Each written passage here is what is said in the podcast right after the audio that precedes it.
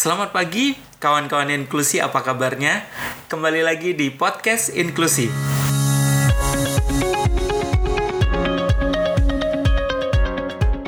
Kali ini podcast inklusi episode keempat akan fokus uh, tetap menceritakan cerita-cerita dari uh, lapangan dari masyarakat khususnya uh, masih menyambung dengan podcast episode ketiga kemarin kita akan banyak menceritakan uh, bagaimana kondisi di Indonesia Tengah dan Timur yang nantinya akan diceritakan oleh kawan-kawan yang termasuk dalam bagian Indonesia Inklusi Network atau jaringan Indonesia Inklusi. Mungkin langsung saja saya panggilkan co-host saya Mas Yeri. Apa kabar Mas Yeri? Apa kabar? Baik, Mas Yeri. Sehat, Mas Yeri? Sehat, sehat. Semoga suara saya bisa didengar dengan jelas kepada para pendengar nantinya. Pastinya, pastinya. Uh, langsung aja kita panggil nih uh, teman-teman dari Teater Garasi dan dari KH. Selamat pagi. Selamat pagi. Selamat pagi. Selamat pagi. Mas Oke, okay, uh, eh, langsung aja perkenalan. Monggo uh, Mas Sherry uh, memulai. Oke, okay, uh, perkenalkan nama saya Iri. Saya biasa um, di sehari-hari di engagemedia.org dan kami juga bersama-sama teman-teman uh, jaringan uh, mengelola uh, jaringan Indonesia Inklusi atau Lincoln Learning. Selamat uh, datang teman-teman. Uh, mungkin bisa diperkenalkan diri dulu. Silakan. Uh, halo, selamat pagi semuanya. Uh, saya Lucy dari Teater Garasi. Uh, kami uh, ada di Yogyakarta. Teater Garasi adalah kumpulan seniman uh, lintas disiplin dan kami fokus pada program kami fokus pada penciptaan karya seni pertunjukan sebagai alat untuk kami seniman yang tergabung di uh, di kolektif kami untuk mempelajari dan menampilkan uh, situasi atau isu sosial dan perubahan-perubahan yang uh, kami lihat. Juga uh, kami fokus membangun jejaring kerjasama antar seniman pelaku seni pertunjukan pada khususnya di uh, Asia lima tahun ini kami fokus di Asia juga uh, jejaring kerja itu juga me, melingkupi juga pertukaran pengetahuan di antara para pelaku uh, seni pertunjukan. Terima kasih Mbak. Mungkin uh, dari KH? Uh, saya Eka, saya dari komunitas KH Maumere. Hmm, sudah lima tahun belakangan ini saya aktif di KH sejak mahasiswa. Uh, kami ini kolektif, ada seniman, ada penulis, ada lintas disiplin. Dan sudah lima tahun terakhir ini bekerja apa ya kemudian kami merefleksikan um, kerja-kerja kami sebagai apa, penciptaan forum-forum kesenian yang uh, secara tidak sadar kemudian uh, melangsungkan produksi pengetahuan tentang tentang Maumere dan isu-isu sosial seputar Maumere.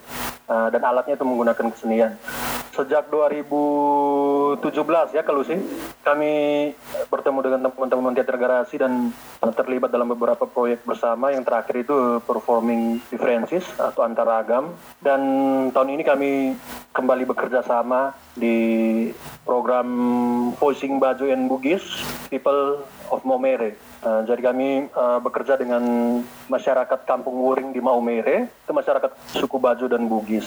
Sebenarnya kami sudah uh, cukup intens terlibat atau semacam pulang pergi ke Kampung Wuring sejak 2017 itu, sejak kami mengerjakan antaragam. Waktu itu uh, fokus temanya tentang tsunami 92 hmm, dan tahun ini kami ke Wuring lagi dengan apa mungkin dengan perspektif yang berbeda. Baik, terima kasih uh, teman-teman uh, KAHI dan Teater Garasi. Uh, mungkin bisa diceritakan untuk saat ini di masa COVID-19 ini kira-kira kondisi di daerah masing-masing ini seperti apa? Mungkin uh, teman-teman KAHI, KAHI bisa menjelaskan. Terus bagaimana sih sebenarnya uh, dampak uh, COVID ini terhadap aktivitas atau kegiatan baik yang setengah dijalankan maupun yang lagi direncanakan? Uh, situasi umum Maumere, sekolah-sekolah, kantor-kantor pemerintahan uh, dan juga swasta banyak yang diliburkan. Uh, beberapa institusi seperti bank, kooperasi itu masih memperlakukan jam kerja tapi dengan pembatasan tenaga kerja. Uh, beberapa pasar masih aktif, suasana kota memang cukup lengang tapi uh, mungkin seperti yang terdengar masih ada juga tetangga yang buka musik keras-keras, masih ada banyak kendaraan yang lewat seperti itu. Memang apa ya kesadaran tentang bahaya COVID ini cukup terlambat, cukup terlambat sampai di Maumere atau sampai di Indonesia bagian timur umumnya.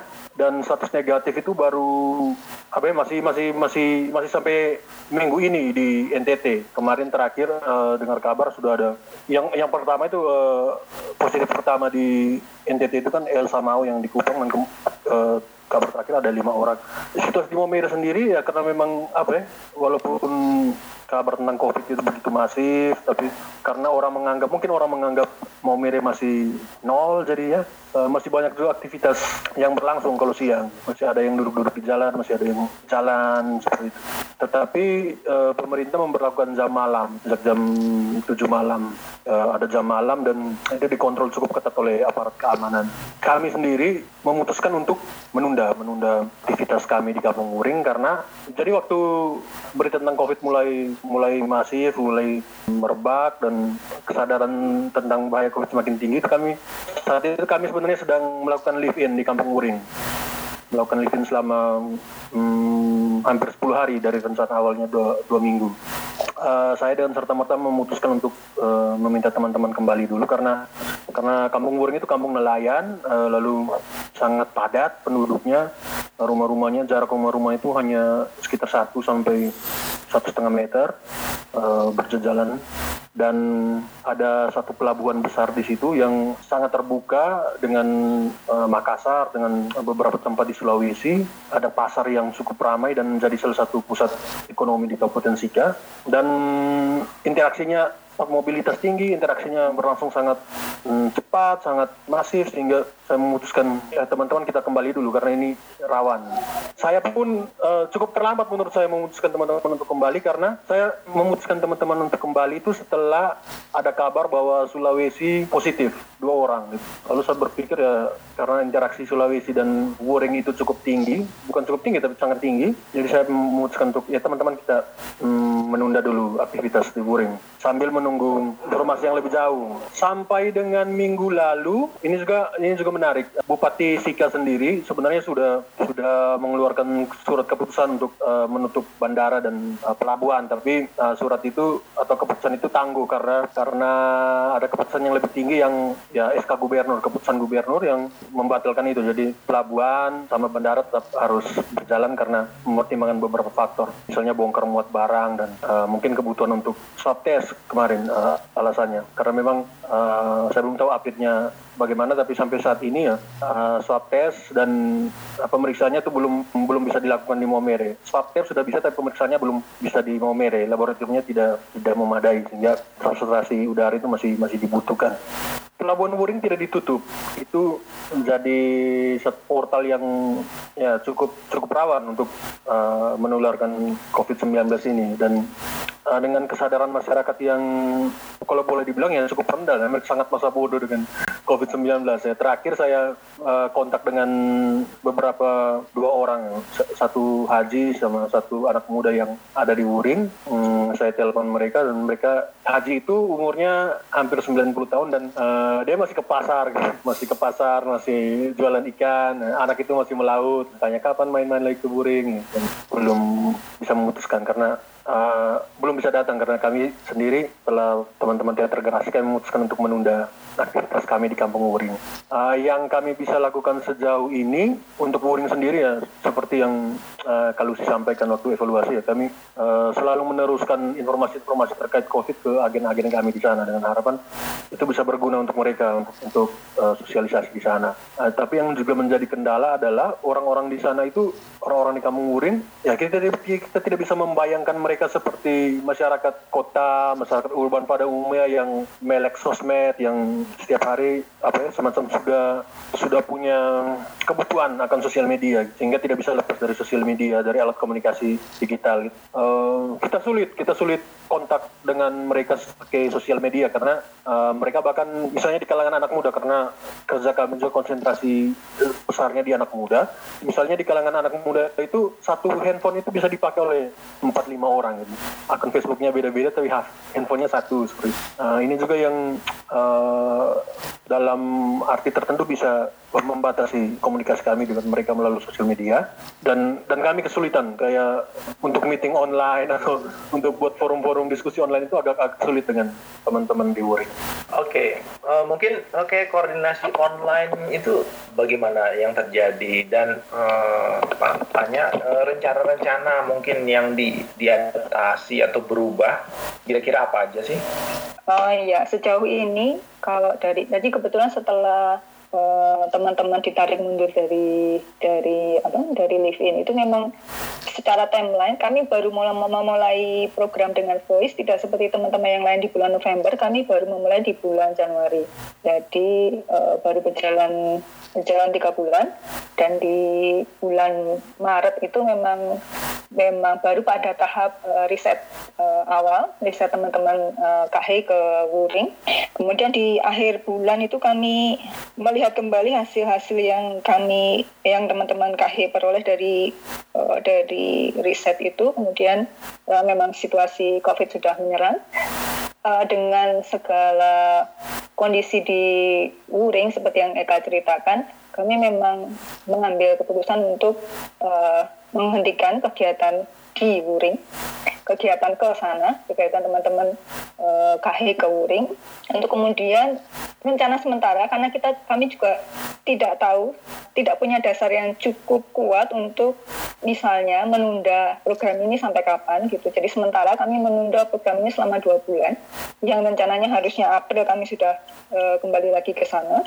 Kami kami undur sampai bulan Juni. Yang kita juga nggak tahu apakah nanti bulan Juni situasinya sudah memungkinkan untuk interaksi langsung ke mereka.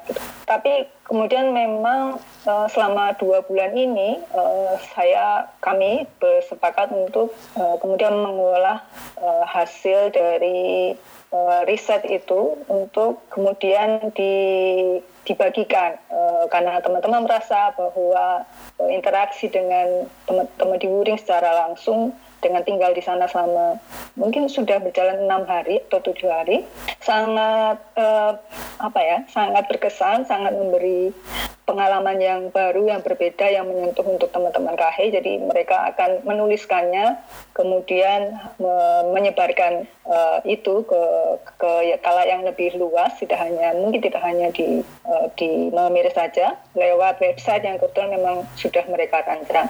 Yang pertama itu kemudian yang kedua juga sambil memikirkan uh, metode apa yang yang yang bisa uh, dilakukan nanti untuk bulan Juni kalau itu sudah bisa berjalan gitu.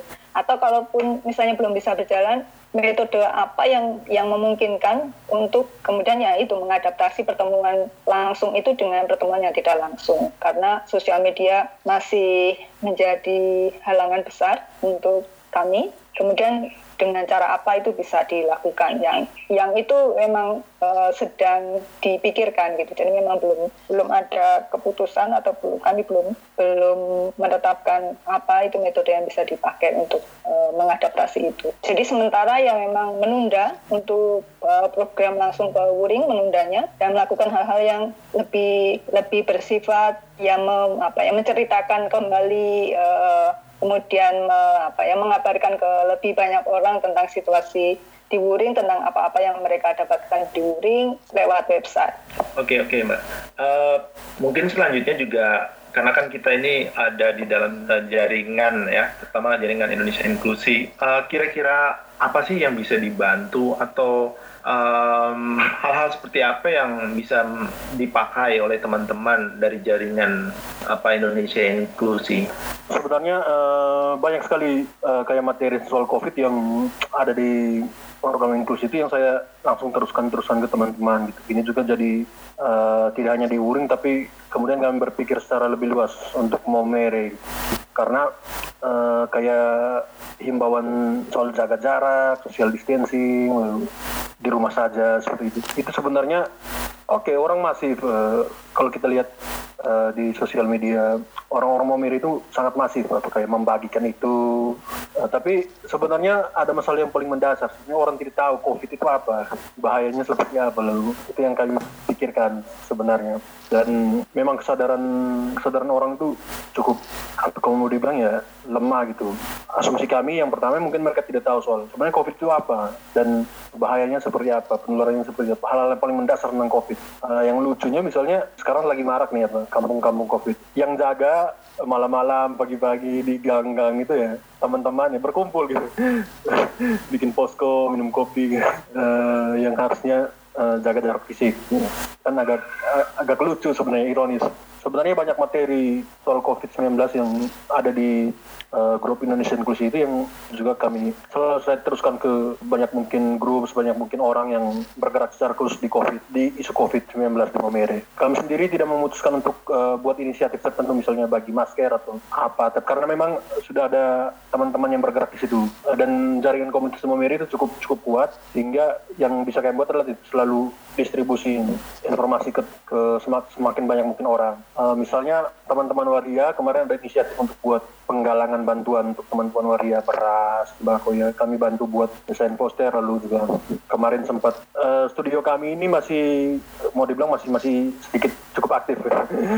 kami membatasi beberapa orang yang um, kerja di studio dan kemarin juga sempat dipakai teman-teman waria untuk webinar webinar soal dampak covid bagi waria yang sa saat ini kami buat untuk anggap COVID sendiri ya mendukung uh, aktivitas teman-teman di jaringan kami yang punya inisiatif uh, spesifik, inisiatif yang lebih detail soal COVID. Misalnya bagi masker, lalu ada teman-teman yang bantu konsumsi untuk para penjaga ke posko COVID seperti itu. Ya banyak juga informasi dari grup Indonesia Inklusi yang saya teruskan ke uh, teman-teman yang secara khusus secara apa ya, oke okay, bergerak di COVID penanganan COVID-19. Oke sih, uh, mungkin itu aja sih dari pertanyaan dari kita. Uh, ada ini nggak apa harapan-harapan gitu uh, tentang jaringan Indonesia inklusi? Iya, tentu saya juga menyimak uh, ini apa uh, kabar-kabar dan juga materi-materi yang dibagi oleh teman-teman. Uh, kemudian mencoba untuk melihat mana yang kira-kira bisa diterapkan di Wuring dengan kondisi di Wuring dan juga teman-teman KH yang lebih dekat. Uh, tapi di luar itu juga uh, apa? Tentu juga senang untuk melihat, me, apa, melihat bagaimana teman-teman dalam jaringan juga bekerja dengan uh, komunitas dampingannya masing-masing. Juga kemarin uh, kebetulan waktu ada pertemuan dengan media yang bulan apa tuh Februari atau gitu ya uh, oh sorry Maret itu. Kebetulan bukan saya yang bisa datang tetapi salah satu teman di Teater Garasi Mas Gunawan Marianto juga ikut hadir di sana. Dan saya juga mendengar sharing-sharingnya uh, cukup menarik. Saya kira uh, mendengar uh, apa kerja teman-teman yang lain ini juga untuk mencari apa ya titik di mana kita bisa bertemu secara isu dan juga secara metode yang mungkin bisa uh, kita terapkan di di apa di komunitas sampingan dan kerja kita masing-masing gitu mas. Oke. Okay. Kalau dari saya uh, seperti yang kalau sampaikan tadi saya juga uh, ini baru baru lima tahun dan kami umumnya uh, baru lulus kuliah, baru lulus kuliah dan kerja-kerja bersama masyarakat ini jadi suatu hal yang baru buat kami. Dan Wuring salah satunya karena secara kultur berbeda, secara ya kultur sangat beda, cara hidup beda, agama beda, seperti banyak perbedaan antara kami dan dan uh, kampung Wuring dan itu jadi tantangan untuk kami. Dan juga yang terus kami pikirkan adalah cara untuk uh, bagaimana bisa bisa apa ya, bisa cair, bisa cair, membangun kepercayaan masyarakat dan tidak hanya hubungan formal tapi juga hubungan interpersonal dengan masyarakat di sana. Itu yang itu yang sedang kami juga dalami dan seperti yang kalau bilang ya, metode metode kerja bersama masyarakat yang dilakukan oleh teman-teman dengan berbagai isu itu juga sangat apa ya jadi jadi cermin jadi semacam uh, tawaran pendekatan untuk kami pelajari gitu dan uh, sejauh ini saya selalu menyimak dalam arti walaupun tidak aktif komentar atau uh, terlibat komunikasi di WhatsApp tapi selalu menyimak uh, setiap info yang uh, ada di grup inklusi itu dan sebisa mungkin memantulkan dengan aktivitas komunitas KAE tidak hanya di Uring tapi juga dengan karena lima tahun ini kami juga kayak bekerja dengan isu-isu yang ada di sekitar Momere jadi walaupun pendekatannya kesenian dan eh, apa ketika ada di grup inklusi itu saya selalu apa ya, coba pantulkan dengan aktivitas kami secara umum. Oke, terima kasih banyak. Mungkin udah sih, udah itu aja. Ya, kalau ada salam-salam yang mau disampaikan sebelum kita tutup, Sa- Salam apa ya? Salam semangat Terus sih, untuk salam. semuanya ya. ya sehat-sehat semua juga ya. Iya, sehat-sehat semua. Saya harap kita semua dalam keadaan yang sehat. Terus semangat menjaga menjaga mental sih menurut saya yang paling penting ya karena ini eh, menghadapi situasi yang tidak menentu ini mungkin kita nggak cuman butuh menjaga kesehatan tetapi juga mental kita supaya tidak tidak apa menurun gitu Eh, dan semoga kita semua bisa bekerja bersama untuk eh, apa tetap tetap menjalankan karya kita masing-masing. Oke, mungkin gitu aja eh, teman-teman. Makasih Fendi ya. Ya, makasih. Selamat siang semuanya. Terima kasih semuanya.